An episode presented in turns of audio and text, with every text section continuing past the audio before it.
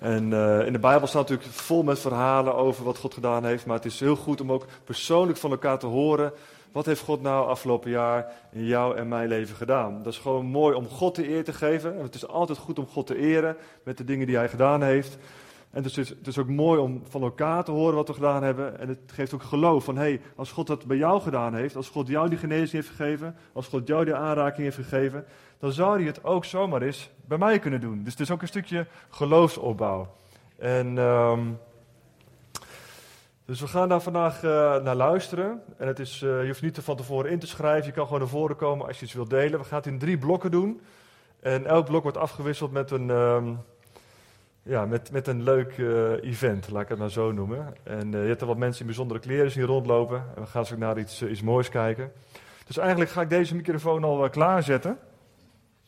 En um, het zijn drie blokken van een minuut of 10, 12. En dan wil ik je uitnodigen om iets te delen wat God afgelopen jaar in jouw leven heeft veranderd, heeft gedaan, of in jouw familie, van jouw gezinssituatie heeft gedaan. En um, ja, we hebben het een maand of twee, drie geleden ook gedaan. Er kwamen hele bijzondere verhalen, we daar gehoord. Dus um, ik ga de microfoon aanzetten. Onderop hoor ik net. Oh ja, ik zie het inderdaad. En uh, ja, mag ik de eerste uitnodigen om iets te getuigen van wat God heeft gedaan afgelopen jaar in je leven? Daar moet iemand de spits afbijten.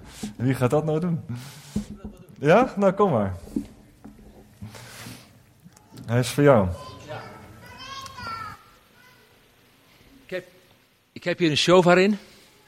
Ik heb eens eentje geblazen hier. En dat is een wapen.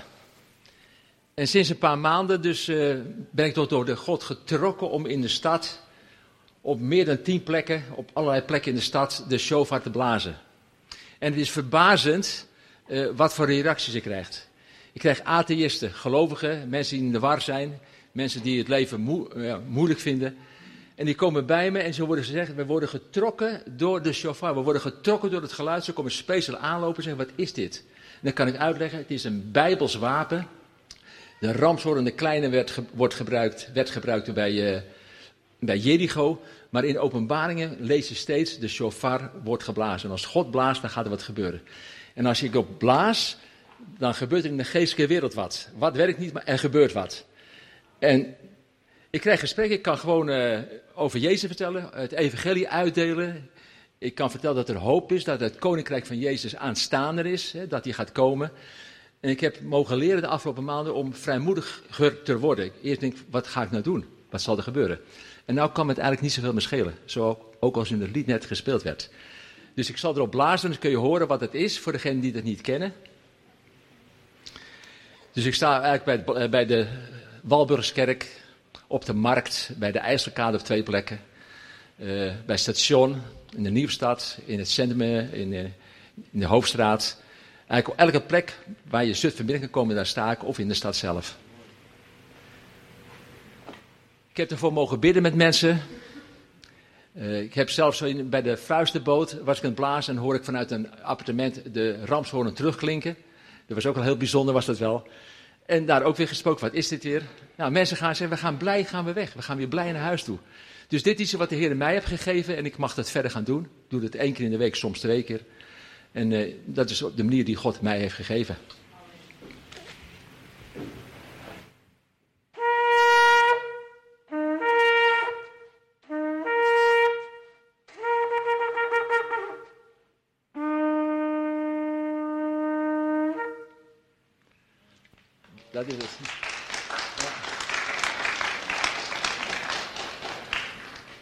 Ik heb, nog niet, ik heb nog niet een dag gehad dat er niemand bij me kwam. Soms stonden er zes voor me, soms twee, soms één. En sommigen komen echt even vragen en dan gaan we weg. Dus uh, doe dit op de manier die God jou heeft gegeven. Ja. Mooi. Dankjewel. En uh, ja, opbouwend wat hij net ook zegt, hè, je moet gewoon doen wat bij je past en bij je hoort. En iedereen heeft onze eigen roeping en zijn eigen manier om uh, het koninkrijk van God te brengen. Wie is de volgende? Wie wil er nog wat delen? Wat God in zijn leven gedaan afgelopen jaar? Michael.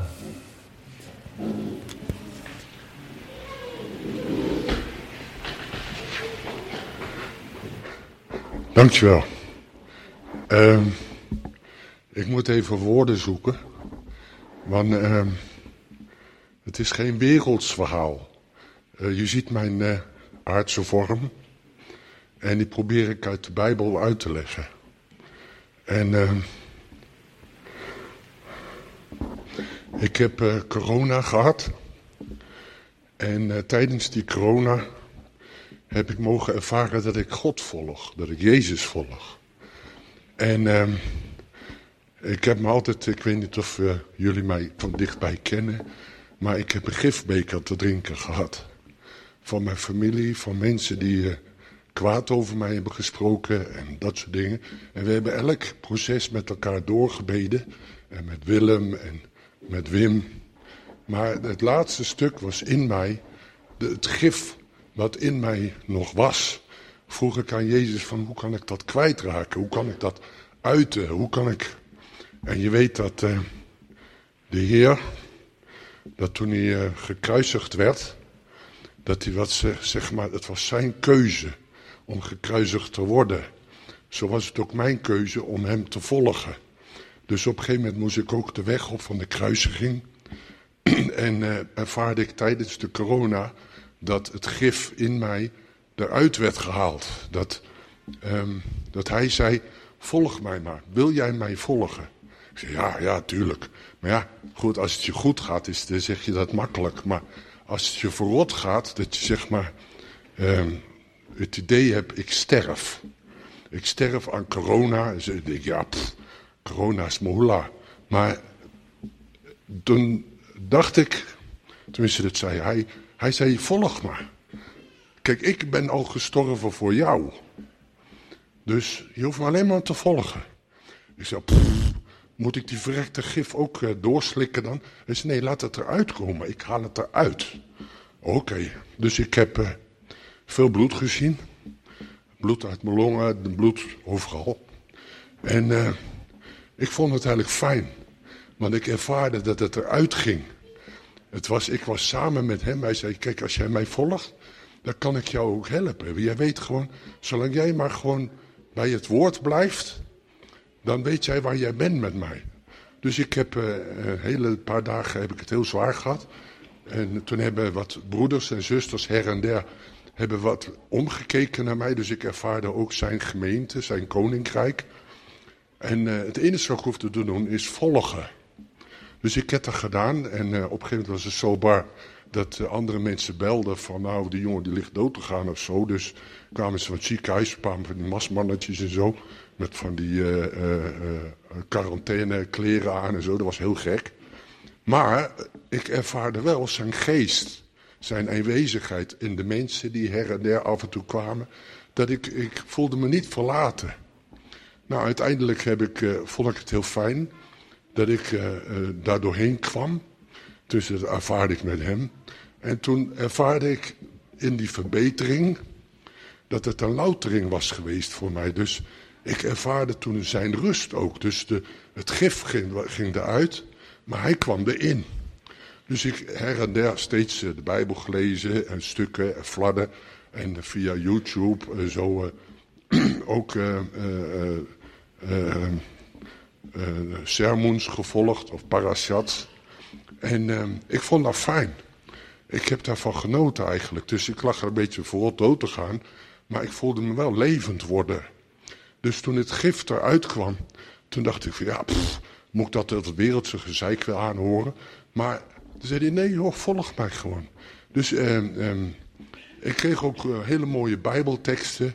En, en ook zijn vrede kwam in mij, zijn liefde. En toen dacht ik, oh wacht even, nou zijn we op de goede weg. Nou, het was eigenlijk gewoon binnen een paar dagen was het eigenlijk, ik heb heel verbaasd gestaan dat ik binnen een paar dagen van dat, uh, dat, die ziekte af was, maar ook van de gif. En sinds die tijd voel ik gewoon zijn liefde groeiend in mij. Zei, ik bouw jou op. Dus ja, ik zit nou te wachten zeg maar op uh, de wederopstanding. En ik zit qua periode, we hebben net uh, de Heer, de duisternis overwonnen. Dus ik denk, ik zit alleen maar te wachten en ik loop met hem. Prijs de Heer.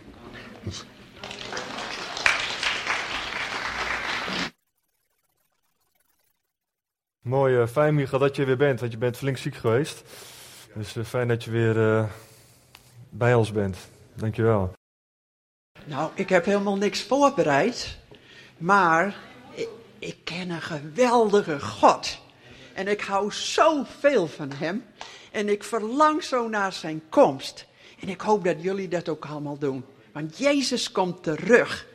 En uh, zijn we er klaar voor? Zijn we die reine bruid? Ik wil die reine bruid zijn. Ik zeg, Heere, heilig mij in geest, ziel en lichaam. En ik vind het ook zo heerlijk om onderwijs te geven. En we hebben weer een heerlijke groep die, uh, die de studie heeft, een nieuw begin. Tien mensen.